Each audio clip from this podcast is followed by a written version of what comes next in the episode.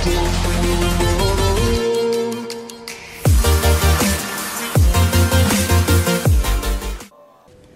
teman-teman di Community semuanya.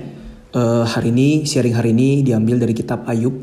Karena gue baru aja selesai saat teduh dari kitab Ayub beberapa hari yang lalu teman-teman. Dan gue pikir kitab Ayub adalah kitab yang cukup cocok untuk merepresentasikan uh, penderitaan yang terjadi hari-hari ini. Pandemi global yang juga menimpa banyak dari kita. Beberapa dari kita juga mengalami efek atau impact dari coronavirus ini secara keuangan, secara ekonomi. Uh, kehidupan jadi jauh lebih sulit dan dan memiliki banyak ketidaknyamanan, limitasi. Uh, dan juga mungkin beberapa dari kita ada yang terkena, mungkin kerabat atau saudara atau seseorang yang kita kenal kena penyakit ini dan kemudian mungkin juga meninggal. Aku punya setidaknya beberapa orang-orang yang pernah uh, berelasi dengan aku dan juga uh, terkena penyakit ini dan kemudian akhirnya meninggal, teman-teman. So uh, perenungan gue di kitab Ayub ini memberikan banyak insight yang baru, memberikan banyak pelajaran-pelajaran yang baru. Bagaimana seharusnya kita uh, berespon di dalam badai, di dalam suffering yang ada. Teman-teman sedikit info tentang kitab Ayub. Ayub adalah seseorang yang saleh, uh, yang jujur, yang takut akan Tuhan. Uh, dia orang yang menjauhi kejahatan dan pujian kepada Ayub itu nggak datang dari orang, tapi itu datang dari mulut Tuhan sendiri yang mengatakan bahwa Ayub itu orang yang demikian. Jadi kalau Tuhan memuji artinya Ayub benar-benar orang yang luar biasa teman-teman. Dan Ayub mungkin gambaran dari orang-orang seperti kita, orang-orang Kristen yang takut akan Tuhan, yang berusaha untuk hidup kudus, berusaha untuk hidup dalam kebenaran dengan Tuhan. Eh, beberapa dari kita mungkin sampai melayani Tuhan karena kita merasakan kebaikan Tuhan gitu teman-teman. Namun Ayub pun orang yang saleh dan jujur tidak terlepas dari suffering. Ayub pun tidak terlepas dari proses yang Tuhan izinkan terjadi dalam hidup Ayub kita tahu cerita Ayub, proses yang Tuhan izin terjadi merupakan proses yang luar biasa berat, teman-teman. Proses yang luar biasa dahsyat. Um, sedikit sekali atau mungkin mungkin belum pernah ada um, orang dalam dunia modern ini mungkin yang mengalami tragedi penderitaan seperti yang Ayub alami. You know the story right? Um, secara singkat, Ayub itu kehilangan harta bendanya, uh, ternak-ternak hewan-hewannya. Orang zaman dulu uh, hartanya itu adalah ternak-ternaknya. Hartanya itu adalah yang dimiliki lah ternak yang yang dimilikinya. Dalam waktu singkat ternak Ayub semuanya habis. Ada yang dijarah oleh orang, ada yang mati karena kesambar petir di uh, siang hari bolong, teman-teman. Um, kemudian Ayub anaknya mati, 10 orang anaknya mati tiba-tiba pada waktu sedang melakukan party, sedang pesta di rumah yang paling tua, tiba-tiba datang angin ribut, uh, menghancurkan rumah itu sehingga rumah itu roboh dan menimpa 10 orang anak-anaknya semua dan saat itu juga anaknya mati. Yang ketiga, Ayub sakit parah. Uh, Ayub kena barah dikatakan dari ujung kaki sampai ujung kepala. Begitu parahnya sampai daging Ayub pun sampai terbuka dan kelihatan sampai berkelopes, sampai mengelupas begitu. Dan Ayub mengambil beling untuk menggaruk-garuk sekujur tubuhnya karena begitu tidak tertahankan. Yang keempat, belum cukup sampai situ istrinya pun yang merupakan harusnya menjadi penolong yang sepadan buat Ayub pasangan hidup semati ternyata meninggalkan Ayub bahkan menyuruh Ayub untuk mengutuki Allah dan menyuruh Ayub untuk meninggalkan segala kesalehan Ayub itu. Nggak perlu lagi. Allah lu udah membiarkan kamu seperti itu. Ngapain kamu masih beribadah sama dia? Lalu istrinya meninggalkan Ayub. Belum cukup sampai di situ teman-teman. Di saat orang-orang lagi berduka dia butuh komunitas. Ya dia butuh teman-teman untuk menghibur.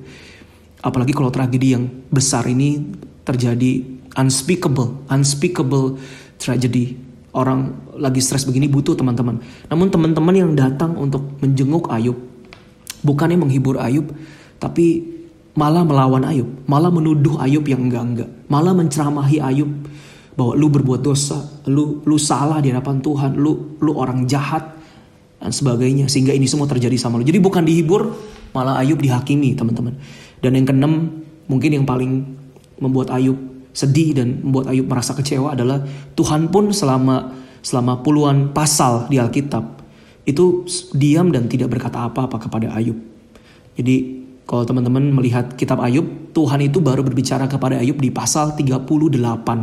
Teman-teman dan semua penderitaan Ayub itu terjadi di pasal 1 dan di pasal 2. Jadi bisa dibayangin sebanyak 36 pasal Tuhan diam dan tidak berbicara dan selama 36 pasal itulah teman-teman Ayub itu menuduh Ayub, menceramahi Ayub, menghakimi Ayub dan Ayub membela dirinya dan dan mereka kemudian saling saling uh, bertukar bukan bertukar pikiran ya mereka saling menyalahkan satu sama lain gitu jadi bisa kebayang udah jatuh ketimpa tangga nggak ada yang menghibur malah disalah-salahin gitu uh, unspeakable dan ini mungkin yang membuat Ayub begitu begitu depresi dan begitu tertekan sekali uh, pada saat dia mengalami ini semua. Semua orang meninggalkan dia dan tidak ada satupun yang yang ada di pihak dia.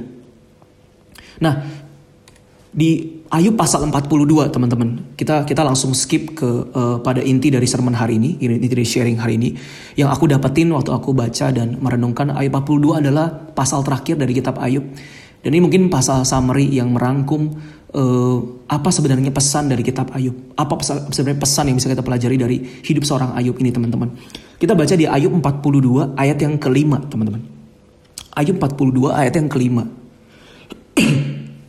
Ayub 42 ayat yang kelima. Kita baca ya. Hanya dari kata orang saja aku mengena, aku mendengar tentang engkau. Tetapi sekarang mataku sendiri memandang engkau. Hanya dari kata orang saja aku mendengar tentang engkau. Tetapi sekarang mataku sendiri memandang engkau. Waktu aku merenungkan berulang-ulang tentang uh, statement yang singkat ini, aku mendapatkan ada tiga, ada tiga, uh, ada dua kebenaran yang yang aku bisa dapatkan. Yang pertama adalah Ayub dikatakan sebagai orang yang saleh, jujur, takut akan Tuhan, menjauhi kejahatan teman-teman ya. Namun ternyata Ayub mengakui bahwa dia tidak memiliki personal relationship dengan Tuhan. Karena dia mengakui, dia mengatakan Selama ini hanya dari kata orang saja aku mendengar tentang engkau ya Tuhan. Itu Ayub langsung berbicara sama Tuhan. Dia mengakui. Hanya dari kata orang saja aku mendengar tentang engkau. Jadi selama ini Ayub ternyata hidupnya tidak memiliki personal relationship. Hubungan yang deep, yang intimate, yang pribadi. Hubungan dari hati ke hati, heart relationship dengan Tuhan teman-teman. Nah perhatikan kata-kata kata orang. Apa sih arti dari uh, kata orang teman-teman? Kalau kita menjadi seperti Ayub yang memiliki kesalehan, kejujuran, takut akan Tuhan, menjauhi kejahatan, kita beberapa melayani dan sebagainya dan sebagainya teman-teman itu hal yang baik. Tapi kalau itu semua terjadi karena kita seperti Ayub hanya dari kata orang tentang Tuhan, hanya dari kata orang, kata pendeta, bahwa Tuhan itu baik. Hanya dari kata orang tua bahwa Tuhan itu baik. Hanya dari kata ketua kul, hanya dari kata gembala, hanya dari kata pemimpin rohani. Dan segala sesuatunya itu membuat kita bertumbuh kerohanian kita, bertumbuh hubungan kita. Maka di satu sisi untuk awal-awal mungkin bisa seperti itu. Tapi untuk seterusnya tidak bisa seperti itu. Karena itu bukan hubungan pribadi langsung kita dengan Tuhan. Tapi itu sebuah hubungan yang dependen dengan orang lain. Jadi sebenarnya Arti dari kata orang waktu aku merenungkan, hanya dari kata orang saja aku mendengar tentang engkau. Hanya dari kata hanya dari kata orang saja Novendi mendengar tentang Yesus Tuhan. Nah, itu artinya kerohanian Novendi adalah kerohanian yang dependen dengan kerohanian orang lain. Karena memerlukan kata orang supaya aku bisa mendengar engkau. Memerlukan kata orang supaya aku bisa mendengar Tuhan sendiri berbicara dalam hidupku.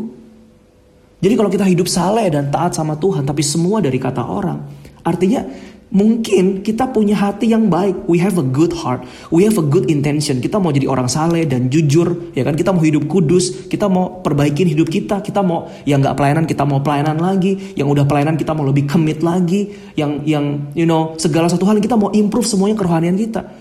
Tapi kita improve kerohanian kita itu semua karena kata orang tentang Tuhan yang baik, tentang Tuhan yang penuh kasih karunia, tentang Tuhan yang mengampuni, tentang Tuhan yang memberikan berkat, tentang Tuhan yang sumber kehidupan, segala sesuatunya buat dirimu.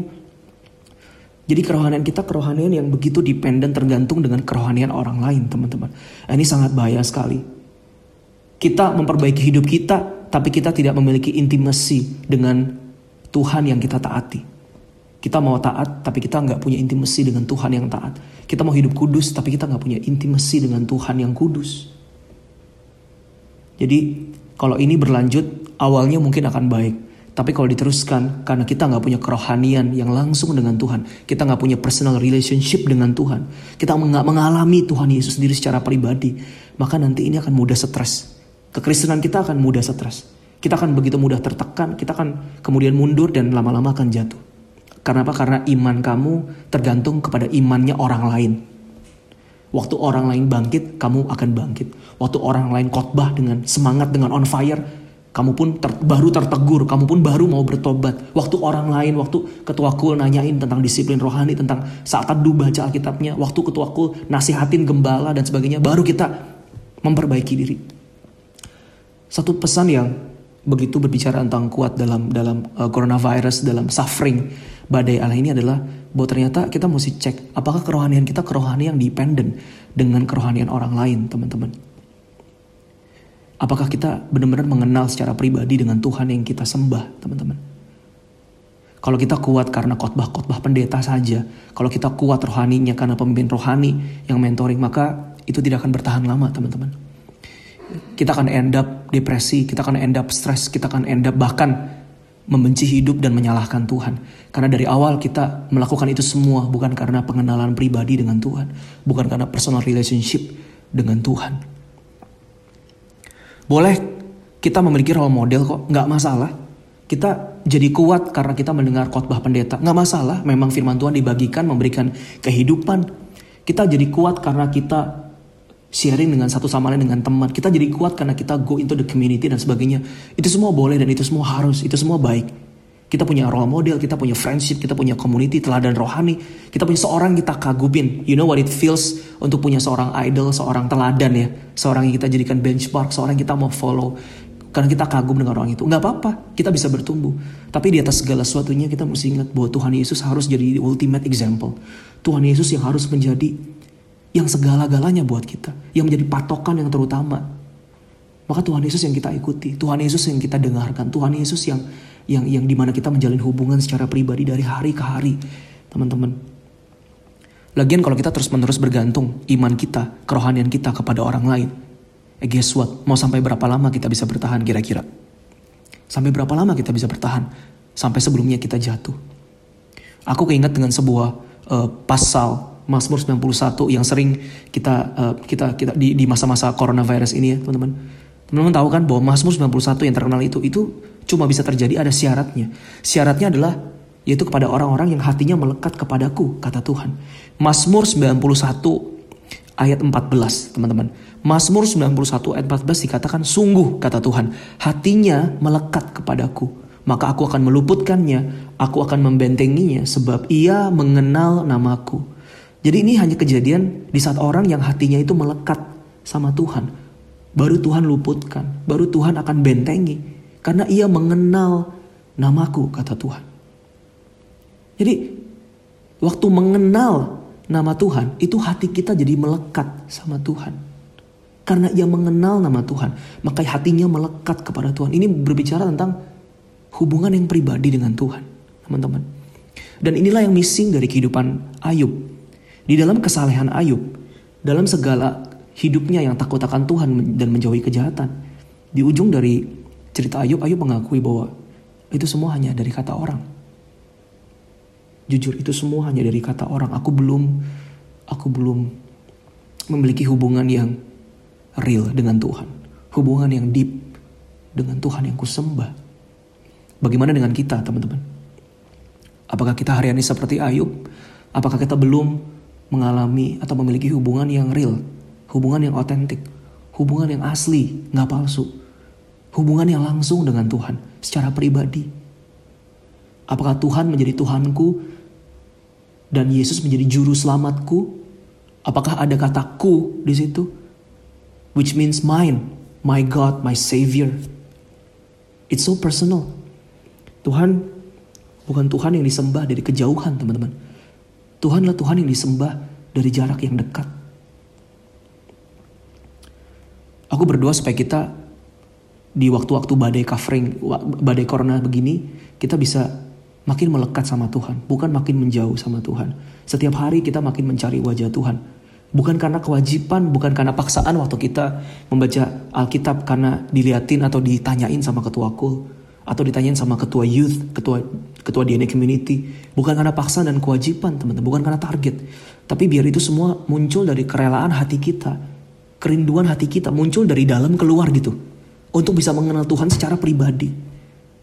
Memang aku kok pengen, memang aku tuh rindu baca Alkitab, aku rindu dengar kata-kata di Alkitab itu lompat ke hatiku. Yesus ngomong ke aku tuh pengen. Udah gak kita ngalamin hubungan dengan Tuhan tuh sampai seperti itu. It's Christianity. It's about personal relationship. It's very personal. Jesus is very personal. Justru orang-orang Kristen yang kuat adalah orang-orang yang bisa berhubungan dengan Tuhan secara pribadi. On a personal level. dalam masa di rumah aja seperti ini teman-teman akan terlihat loh prioritas utama seseorang. Waktu hidup sekarang jadi banyak batasan, kita nggak punya banyak pilihan dan area bergerak kita hanya di rumah itu-itu aja. Aktivitas kita juga kurang lebih sama setiap hari itu-itu aja. Waktu kita nggak punya banyak pilihan dan batasan. Nah perhatikan, maka yang dilakukan orang setiap hari yang dilakukan, dilakukan orang pada biasanya, pada hari biasanya, itu adalah prioritas utama dia. Perhatikan. Waktu-waktu yang paling banyak kita kerjakan sesuatu, aktivitas-aktivitas kita yang paling banyak, that's your priority. Coba cek. Ngapain aja kita di rumah selama ini? Itu menunjukkan hati kita ada di aktivitas itu. Apakah kita terlalu banyak menghabiskan waktu dengan bermain game? Apakah dengan Instagram? Apakah dengan bikin you know konten-konten yang menyenangkan keinginan kita aja? Maka itulah yang jadi prioritas utama kita Artinya kita tuh memiliki personal relationship-nya dengan game dan dengan Instagram, bukan dengan Tuhan. Karena itulah waktu-waktu di mana kita menghabiskan waktu paling banyak, bukan Tuhan. Jika sebelum coronavirus kita punya banyak pilihan, kita punya banyak option, kita bisa pergi ke mall dan sebagainya, kita punya banyak distraksi untuk mendistract kita daripada Tuhan. Tapi sekarang jika kita nggak memiliki terlalu banyak distraksi sebenarnya, untuk mendistract kita, tapi kita masih menjauh daripada Tuhan. Maka sebenarnya bukan karena distraksi kita jauh dari Tuhan, tapi memang karena hati kita tidak mengasihi Tuhan. I'm really sorry if I'm a kind of straight point, straightforward. Tapi mari kita cek hari-hari ini teman-teman karena biar dalam badai dalam suffering COVID-19 ini kita keluar sebagai pemenang, teman-teman. Amin. Kita keluar, kita memiliki satu hubungan yang baru dengan Tuhan.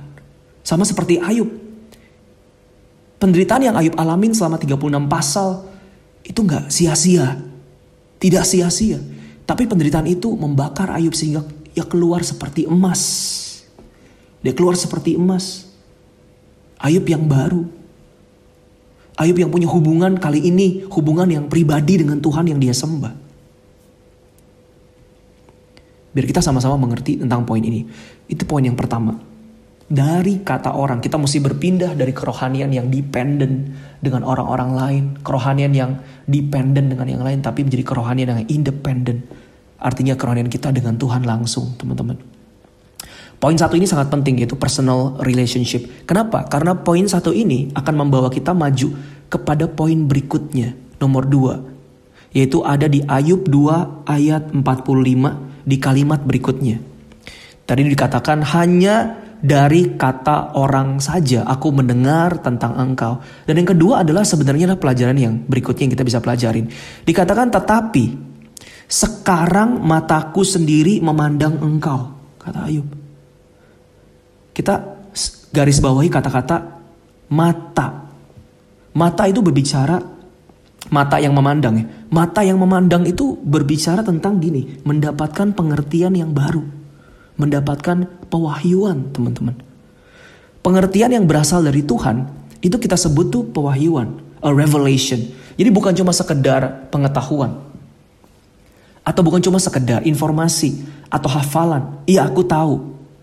Tapi pengertian yang baru yang datang dari Tuhan, pewahyuan adalah firman Tuhan yang merema dalam hati kita, begitu berkesan dan biasanya memberikan kita perspektif yang baru, memberikan kita insight yang baru, memberikan kita pengertian firman Tuhan yang belum kita pernah mengerti selama ini tiba-tiba muncul dalam hati kita. Mata kita seperti kebuka, ada klik begitu kita jadi mengerti. Nah itu namanya pewahyuan yang Tuhan berikan buat setiap kita. Di pasal 38 sampai 42 tadi aku katakan Tuhan itu menjawab Ayub.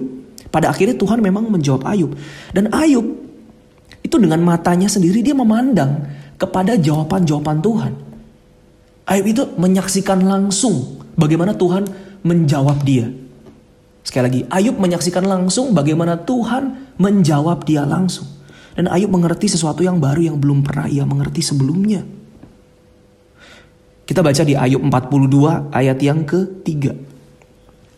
Di Ayub 42 ayat yang ketiga teman-teman. Apa pengertian yang Ayub tidak mengerti sebelumnya?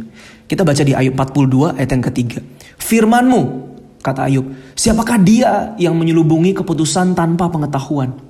Itulah sebabnya tanpa pengertian aku telah bercerita tentang hal-hal yang sangat ajaib bagiku dan yang tidak ku ketahui.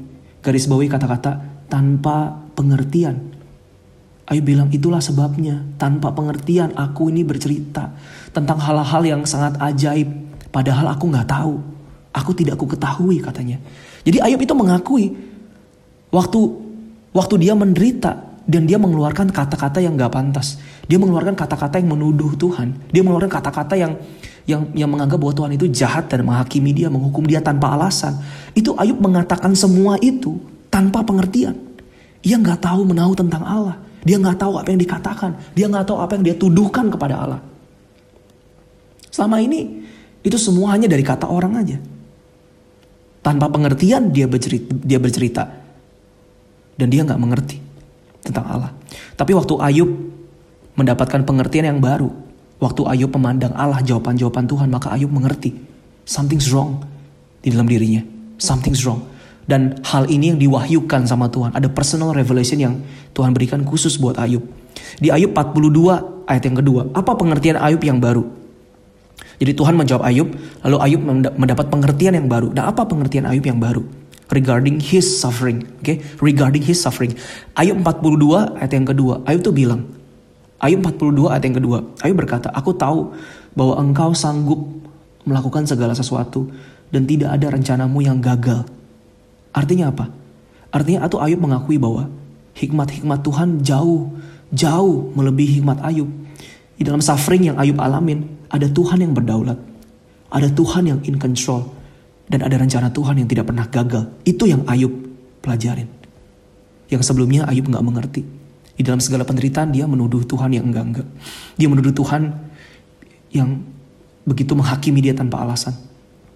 Tapi sekarang Ayub mengerti bahwa Tuhan sanggup melakukan segala sesuatu dan tidak ada rencana Tuhan yang gagal. Selama ini ternyata Ayub nggak mengerti bahwa Allah sanggup melakukan segala sesuatu. Mungkin waktu Ayub menderita, Ayub meragukan rencana Tuhan. Ayub meragukan kebaikan Tuhan. Dalam segala penderitaan yang Ayub alami, Ayub gak yakin bahwa Allah itu Allah yang mengasihi dia lagi. Dia berpikir Allah itu Allah yang menghukum dia tanpa alasan. Teman-teman, untuk level suffering seperti Ayub, dia butuh pewahyuan dari Tuhan. Bukan hanya sekedar informasi dan pengetahuan. You need something more. Makin berat masalahnya, makin berat struggle-nya, makin kita butuh satu pewahyuan yang datang dari Tuhan. Pewahyuan yang fresh. Pewahyuan yang untuk kita. I mean, can you imagine? This man has lost everything. Ayub lost everything. He needs something really, really strong to hold on to. Untuk pegangan, untuk bisa menjaga imannya. That's when the revelation came, teman-teman. Waktu kita benar-benar lagi dilanda suffering, kita dilanda kesulitan. Kita lagi mau pegangan akan sesuatu supaya kita nggak habis kena badai. That's when the revelation came. That's when you need a revelation. Apakah di sini ada teman-teman yang memiliki krisis iman seperti Ayub? I do. I do. Sama seperti Ayub. Berpuluh-puluh pasal dalam cerita Ayub. Ayub mengalami turun naik iman. It's the same with me. Dalam kehidupan, tahun-tahun kehidupan yang udah lewat, gue pun mengalami naik turun iman teman-teman gue pun gak selalu ada di atas. Sering juga ada di bawah. Sering naik lagi, sering ke bawah lagi, sering naik lagi, sering ke bawah lagi. Naik turun teman-teman. And you know eventually things turn out really hard and, and beyond my abilities. Dan sometimes kita bisa berpikir bahwa this is it, right? Nothing's gonna change. I won't make it. This is who I am. Gue gak bisa berubah. Gue memang begini apa adanya. Gue gak bisa gitu. Gue udah melihat pattern pola-pola yang terjadi. Memang gue gak bisa berubah. Ya gue menganggap ya gue gak akan pernah bisa berubah keadaan gak bertambah baik ya gue menganggap keadaan juga gak akan bertambah baik jadi kita meragukan iman Kita kita kita mengalami krisis iman, kita meragukan Tuhan yang sanggup melakukan segala sesuatu. Itu kan yang Ayub dikatakan tadi. Ayub berkata, aku tahu bahwa engkau sanggup melakukan segala sesuatu. Tapi sebelumnya Ayub nggak percaya bahwa Allah sanggup melakukan segala sesuatu. Ayub nggak percaya bahwa rencana Tuhan itu nggak ada yang gagal.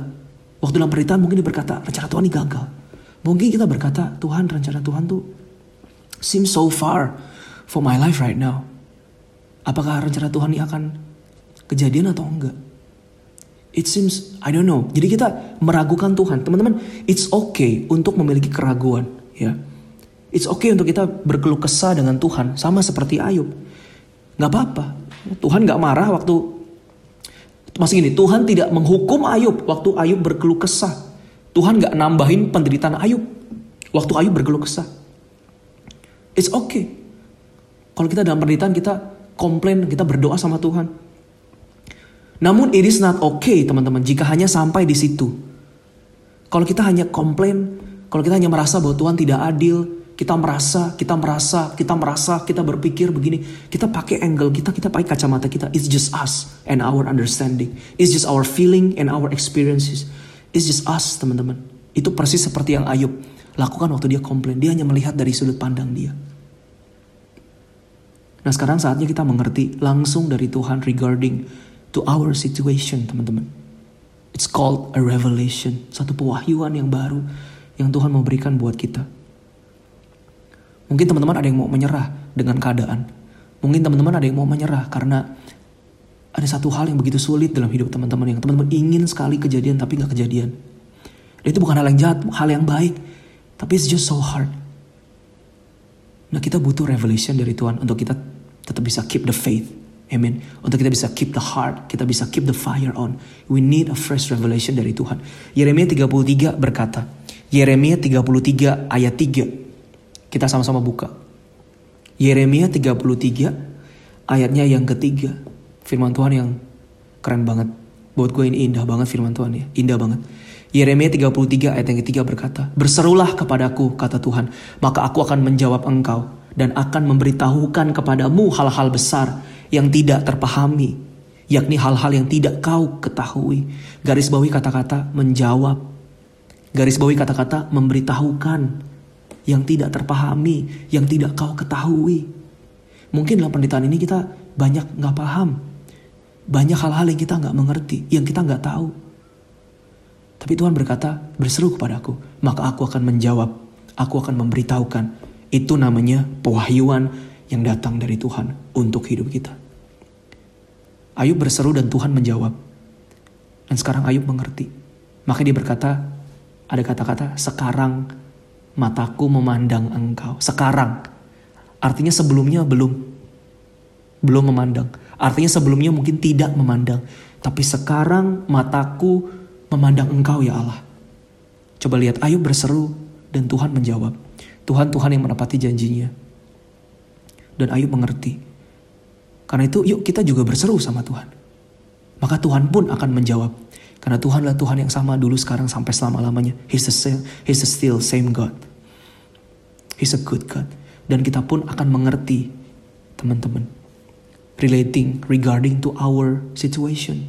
Regarding to certain difficulties and hardships that we don't understand.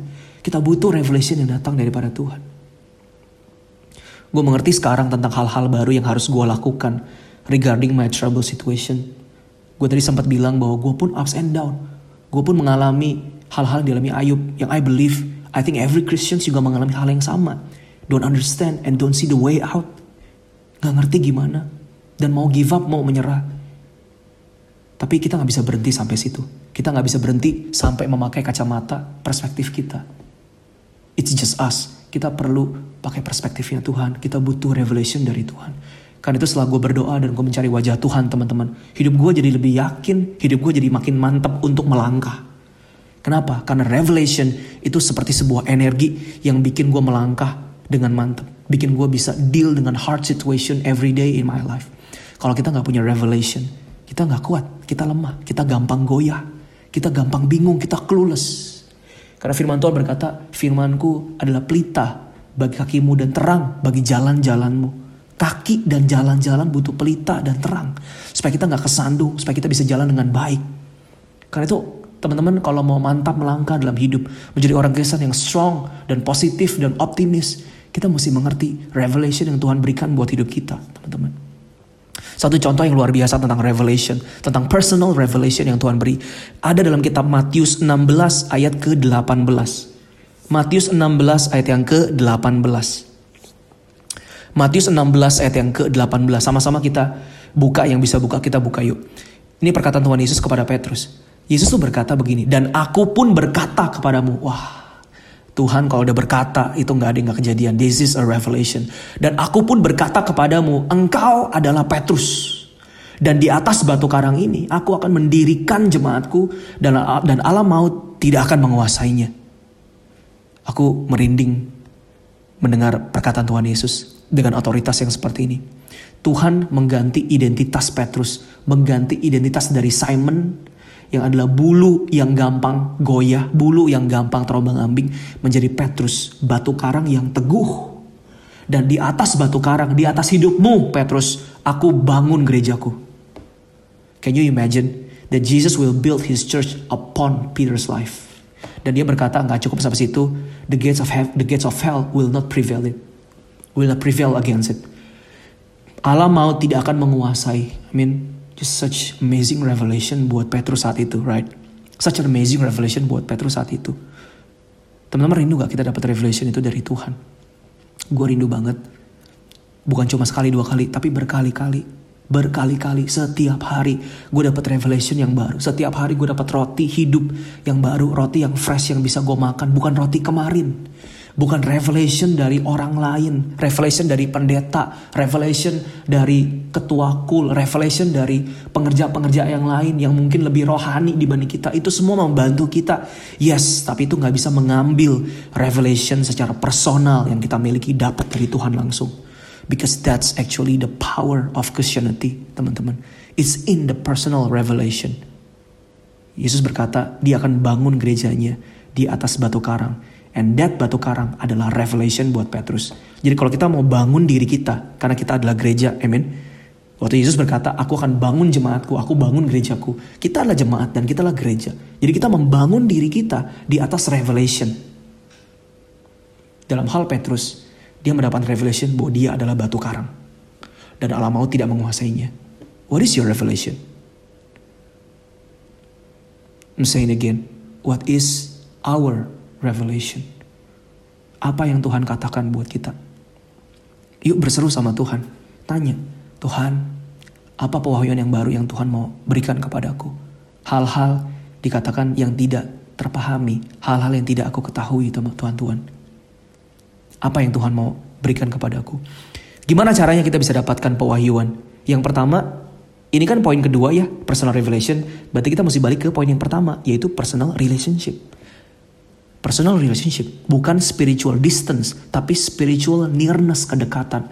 How can you get the personal revelation from God? God talking to you, God talks to you, God speaks His word to you. Kalau kita nggak dekat dengan Tuhan, kalau kita dalam spiritual distance, tapi kalau kita punya spiritual nearness, kita punya spiritual closeness, kita punya personal relationship, hubungan yang dekat dengan Tuhan, yang pribadi, maka I'm sure Tuhan akan ngomong sama kita tentang revelation yang spesifik dan berbeda. Yang kedua, gimana cara dapat dapat pewahyuan? Well, dalam konteks ini adalah through suffering. Right?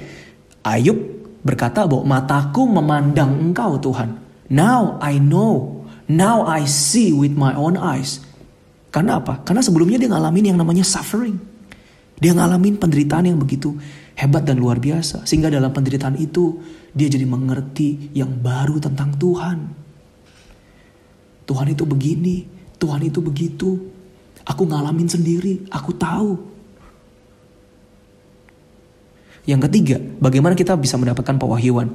Yaitu lewat daily devotion. Daily devotion. Gak ada yang lebih indah daripada kita membangun hubungan dan kita mendapatkan pewahyuan setiap hari dengan Tuhan. Yaitu dengan cara daily devotion, teman-teman. That's a, that's a daily everyday platform di mana Tuhan akan hadir dan dan mencurahkan rencana Tuhan dan dan berkata hal-hal yang dahsyat buat hidup kita teman-teman. Daily devotion tuh ngapain? Simple, PPW and Bible reading. praise and worship and Bible reading. Just main gitar yang nggak bisa main musik, just turn on the YouTube, cari yang live uh, praise and worship, cari yang Sunday service so you can you can worship along. Kalau aku gitu, cari yang Sunday service di YouTube so it feels like I am in the church and I can get along in the worship, not just singing a song track one, track two, and track three, track three, tapi ada worshipnya. I try to blend in into the worship. Dan Bible reading jangan lupa dengan segenap hati Bible readingnya, nggak bukan dengan paksaan.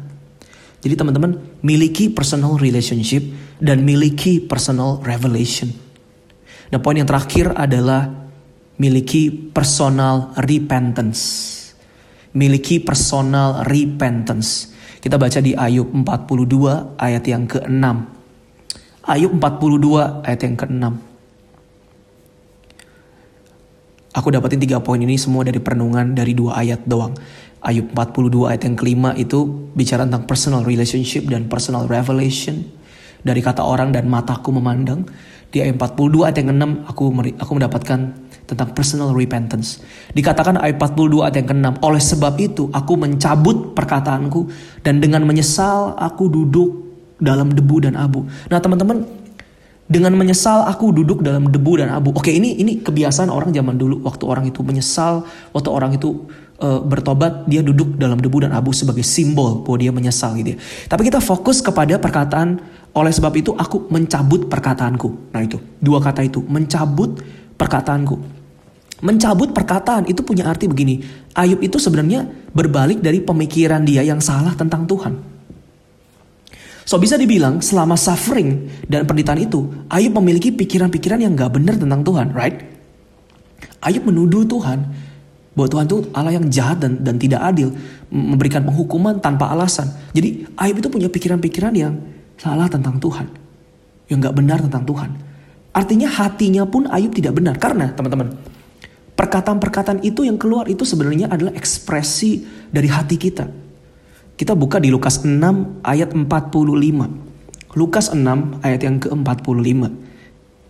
Lukas 6 ayat yang ke-45. Ini Tuhan Yesus sendiri yang bilang. Tuhan bilang orang yang baik mengeluarkan barang yang baik dari perbendaharaan hatinya yang baik. Oke, okay? dan orang yang jahat mengeluarkan barang yang jahat dari perbendaharaannya yang jahat. Karena yang diucapkan mulutnya meluap dari hatinya. Artinya apa? Yang diucapkan mulutnya itu meluap dari hatinya. Artinya hati menentukan perkataan. Jadi Ayub itu dosanya bukan cuma dosa salah ngomong. Sekali lagi, Ayub itu dosanya bukan cuma dosa salah ngomong, tapi perkataan-perkataan Ayub itu melambangkan dosa di hatinya. Kalau menurut Tuhan Yesus, orang yang jahat akan memperkatakan hal-hal yang jahat karena hatinya jahat. Wow, kita nggak pernah berpikir ya, ternyata Ayub punya real problem here. Ayub yang kita pikir orang yang saleh dan jujur dan frase Ayub yang terkenal Tuhan yang memberi Tuhan yang mengambil luar biasa Ayub itu di pasal-pasal awal di Alkitab tapi makin ke sini ternyata his heart is also evil his heart is also expressing ketidakpercayaan dan expressing bahwa Tuhan itu jahat dan sebagainya. Jadi Ayub juga memiliki hal-hal itu yang gak akan ter-reveal teman-teman. Gak akan ke-reveal kalau gak ada suffering. Baru kelihatan the real color, the true color. The true color baru kelihatan in the suffering, teman-teman. Nah, apa sih dosa Ayub secara spesifik? Karena every suffering itu pasti punya purpose. Dan kita di poin ketiga bicara tentang miliki personal repentance. Akan hal apa sih Ayub itu perlu repent? So what's the sin of Job? What's the sin of Job? Kita baca di Ayub 40 ayat 1 sampai ke 5. Kita baca di Ayub 40 ayat yang 1 sampai ke 5. Maka jawab Tuhan kepada Ayub, Oke, okay, ini Tuhan menjawab Ayub. Maka jawab Tuhan kepada Ayub, apakah si pengecam hendak berbantah dengan yang maha kuasa? Hendaklah yang mencela Allah menjawab. Terus jawab Ayub kepada Tuhan, sesungguhnya aku ini terlalu hina. Jawab apakah yang dapat kuberikan kepadamu ya Tuhan? Mulutku kututup dengan tangan. Satu kali aku berbicara, tetapi tidak akan kuulangi.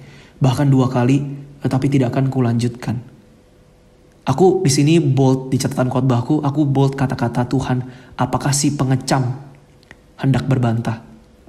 Aku bold kata-kata, hendaklah yang mencela Allah Aku buat kata-kata jawaban Ayub kepada Tuhan. Mulutku kututup.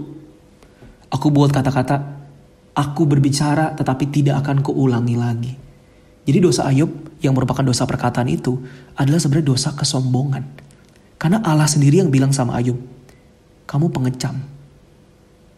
Dan kamu mencela Allah.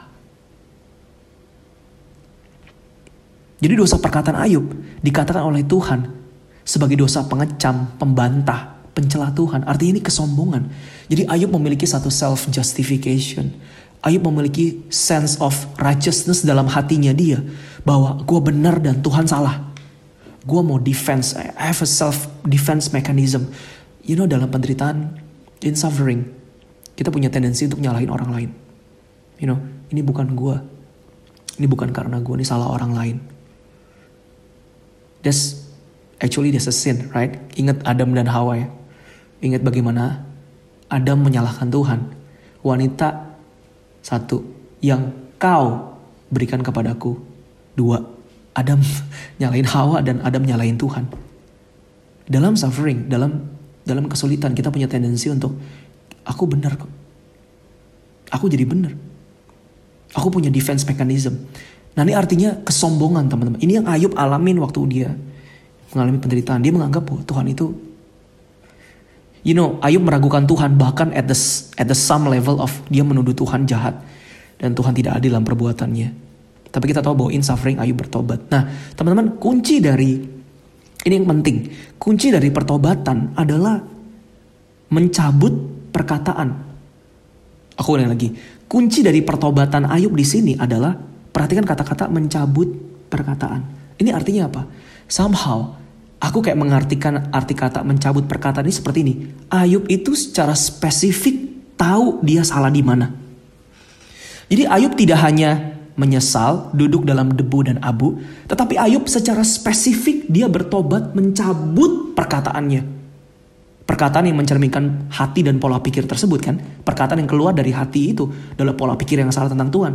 Ayub itu mencabut secara spesifik. Jadi apa yang sudah Ayub katakan, apa yang sudah terlontar, Ayub bisa tarik kembali. Secara figuratif, karena perkataan nggak bisa ditarik. Tapi Ayub artinya bertobat secara spesifik. Dia tahu secara salah di mana. Jadi sebenarnya key statementnya, kunci dari pertobatan yang sejati adalah teman-teman, waktu teman-teman bertobat, teman-teman minta ampun sama Tuhan, teman-teman mesti mengerti kita tuh salahnya di mana. Spesifiknya kita tuh salahnya di mana. You know what? Ada beberapa orang-orang yang bertobat itu udah jadi ritual Tuhan ampuni aku dengan segala dosa dan kesalahan-kesalahanku, pelanggaran-pelanggaranku. Amin. Tapi dia nggak ngerti apa kesalahanmu, apa pelanggaranmu. Kamu tahu itu bukan supaya kamu diintimidasi, bukan. But you gotta know what's wrong that you have been doing. Soalnya supaya kamu tahu dan kamu bisa bertobat akan itu. Karena pertobatan artinya adalah perubahan pola pikir. Metanoia. U-turn. Berbalik dari jalan-jalan yang jahat. Jadi mesti tahu jalan-jalan yang jahat itu apa. Lalu aku berbalik jadi bukan cuma sekedar minta maaf. Minta maaf itu dasarnya adalah aku menyesal, aku nggak enak, ya aku minta maaf. Tapi minta maaf itu hanya emosional belaka, teman-teman. Itu tindakan kerendah hatian, benar. Tapi is there something meaningful di dalam kita minta maaf adalah kita mengerti kenapa kita minta maaf. Kita mengerti di mana kita salah. Mari kita bertobat hari-hari teman-teman bukan cuma sekedar dalam doa-doa pertobatan yang biasa kita lakukan. Kalau dibikin contoh, apa enak kita minta maaf kepada seseorang, tapi waktu ditanya balik, kenapa kamu minta maaf? Nggak tahu. Minta maaf aja. Kenapa minta maaf? Ya supaya nggak berantem lagi. Kenapa minta maaf? Ya supaya enak aja. Well, itu dijamin akan terulang lagi nanti. Karena you don't actually know apa yang salah dalam hidup kita. Kita jadi nggak belajar apa yang salah dalam hidup kita. Apa yang Tuhan gak suka. So that we can prevent kita bisa bertobat dan kita nggak melakukannya lagi teman-teman. Tapi kalau permintaan maaf kita, permintaan pengampunan kita, pertobatan kita hanya lip service. Supaya enak aja.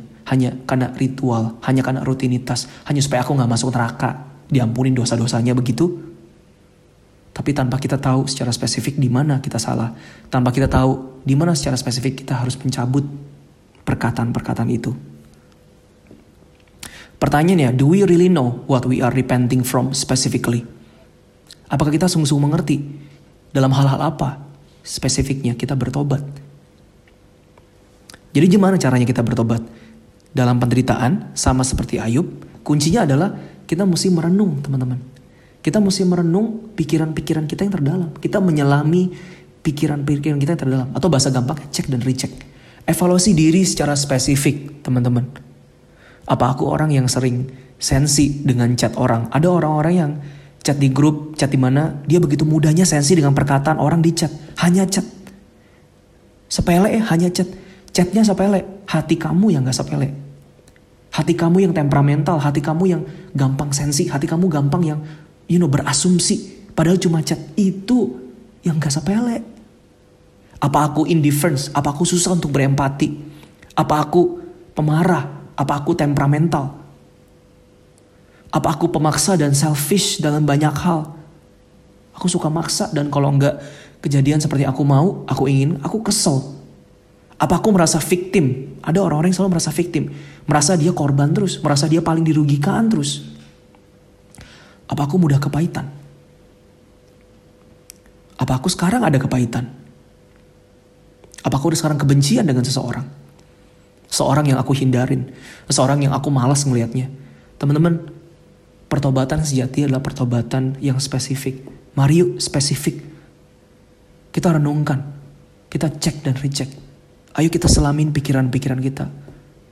Ambil waktu sejenak, take time, catat hal-hal yang Tuhan tegur. Tuhan menegur lewat hati nurani kita. Waktu kita berpikir, waktu kita merenung, pasti, pasti ada suara Tuhan yang yang yang mengingatkan kita teman-teman. Ada consciousness, ada hati nurani yang mengingatkan kita. Jadi aku summary-in tiga poin yang hari ini aku belajar dari perenunganku selama masa covid ini adalah badai itu membuat aku harus melakukan tiga ini. Badai ini, aku gak mau badai ini hanya pergi begitu aja. You know, aku mau setelah badai ini selesai, aku jadi orang yang lebih kuat, lebih bijak, lebih on fire, lebih daripada sebelumnya. Sama seperti Ayub, teman-teman. Yang pertama adalah miliki personal relationship dengan Tuhan. Miliki personal relationship dengan Tuhan, bukan dari kata orang, bukan kerohanian yang dari kata orang, bukan kerohanian yang dependen dengan kata pendeta, dengan kata pemimpin. You know, tapi kerohanian yang independen, kerohanian yang bergantung sepenuhnya sama Tuhan, miliki hubungan yang pribadi dengan Tuhan, heart to heart relationship dengan Tuhan. Yang kedua, miliki personal revelation dari Tuhan. Bukan cuma sekadar informasi atau pengetahuan, tapi miliki revelation, miliki pengertian yang baru, teman-teman, daripada Tuhan. Tentang situasi teman-teman saat ini, mungkin tentang diri sendiri, tentang keluarga, tentang masa depan, tentang masa saat ini, tentang hal-hal yang sulit. Ayub mendapatkan revelation yang spesifik buat hidupnya, relating regarding to his suffering. Bagaimana dengan kita hari-hari ini? Tuhan pasti menjawab Yeremia 33 ayat 3. Tuhan akan menjawab dan memberitahukan kepada kita teman-teman. Hal-hal yang kita nggak ketahui, hal yang kita tidak mengerti. Mari kita berseru sama Tuhan. Kita memiliki personal relation, personal revelation dengan Tuhan. Yang ketiga, miliki personal repentance dengan Tuhan. Yuk kita repent dari dosa-dosa kita secara spesifik. Kita ingat-ingat lagi, kita renung-renungkan lagi di mana kelemahan kita. Kita tanya Tuhan, kita catat. Kita biarkan hati nurani kita berbicara dengan jujur dalam hati kita. Biar kita bisa ingat hal-hal apa yang kita masih salah selama ini. Dan kita mau bertobat secara spesifik. Sehingga pertobatan kita menjadi pertobatan yang sejati, teman-teman. Pertobatan karena kita bertobat pola pikirnya. Pertobatan karena kita berubah pola pikir kita. Bukan cuma sekedar pertobatan, minta maaf, menyesal, kata-kata belaka. Tapi kita sungguh-sungguh mengerti apa yang kita salah. Dan kita bertobat akan hal itu. Itulah perubahan pola pikir. Sehingga kehidupan repentance kita, kehidupan pertobatan kita bisa long lasting. Waktu kita bertobat dari satu dua kesalahan, kita minim sekali akan mengulangi kesalahan berikutnya ke depan. Karena kita truly berubah secara metanoia, pola pikir kita berubah. So personal relationship, personal revelation, and personal repentance. Itu tiga hal yang gue pribadi mendapatkan dari kisah hidup Ayub. Regarding to this COVID-19 situation, um, regarding to this suffering yang kita alamin bersama-sama teman-teman. Dan sebagai penutup, do you know what happens setelah tiga hal itu terjadi dalam diri Ayub? Setelah Ayub punya hubungan dekat, setelah Ayub mengerti revelation yang Tuhan berikan kepada dia, setelah Ayub bertobat secara pribadi, Allah itu memulihkan keadaan Ayub sampai dua kali lipat daripada sebelumnya. Gue cuma berpikir, sejak awal tuh Allah memang ingin berbuat baik sama Ayub. Dan pikiran Allah itu jauh melebihi pikiran Ayub. Rencana Allah jauh melebihi rencana Ayub. Dan benar, gak ada yang gagal dari rencana Tuhan. Karena right from the beginning pasal 1 pasal 2 sewaktu Tuhan mengizinkan you know iblis menyerang Ayub. Waktu Tuhan mengizinkan Tuhan udah tahu di ujungnya adalah kemenangan.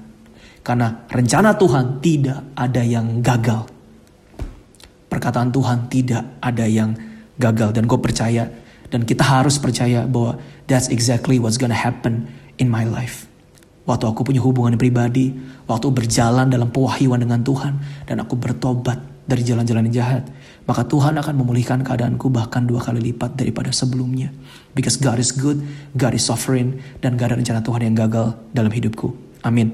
Tuhan Yesus mengasihi kita semua.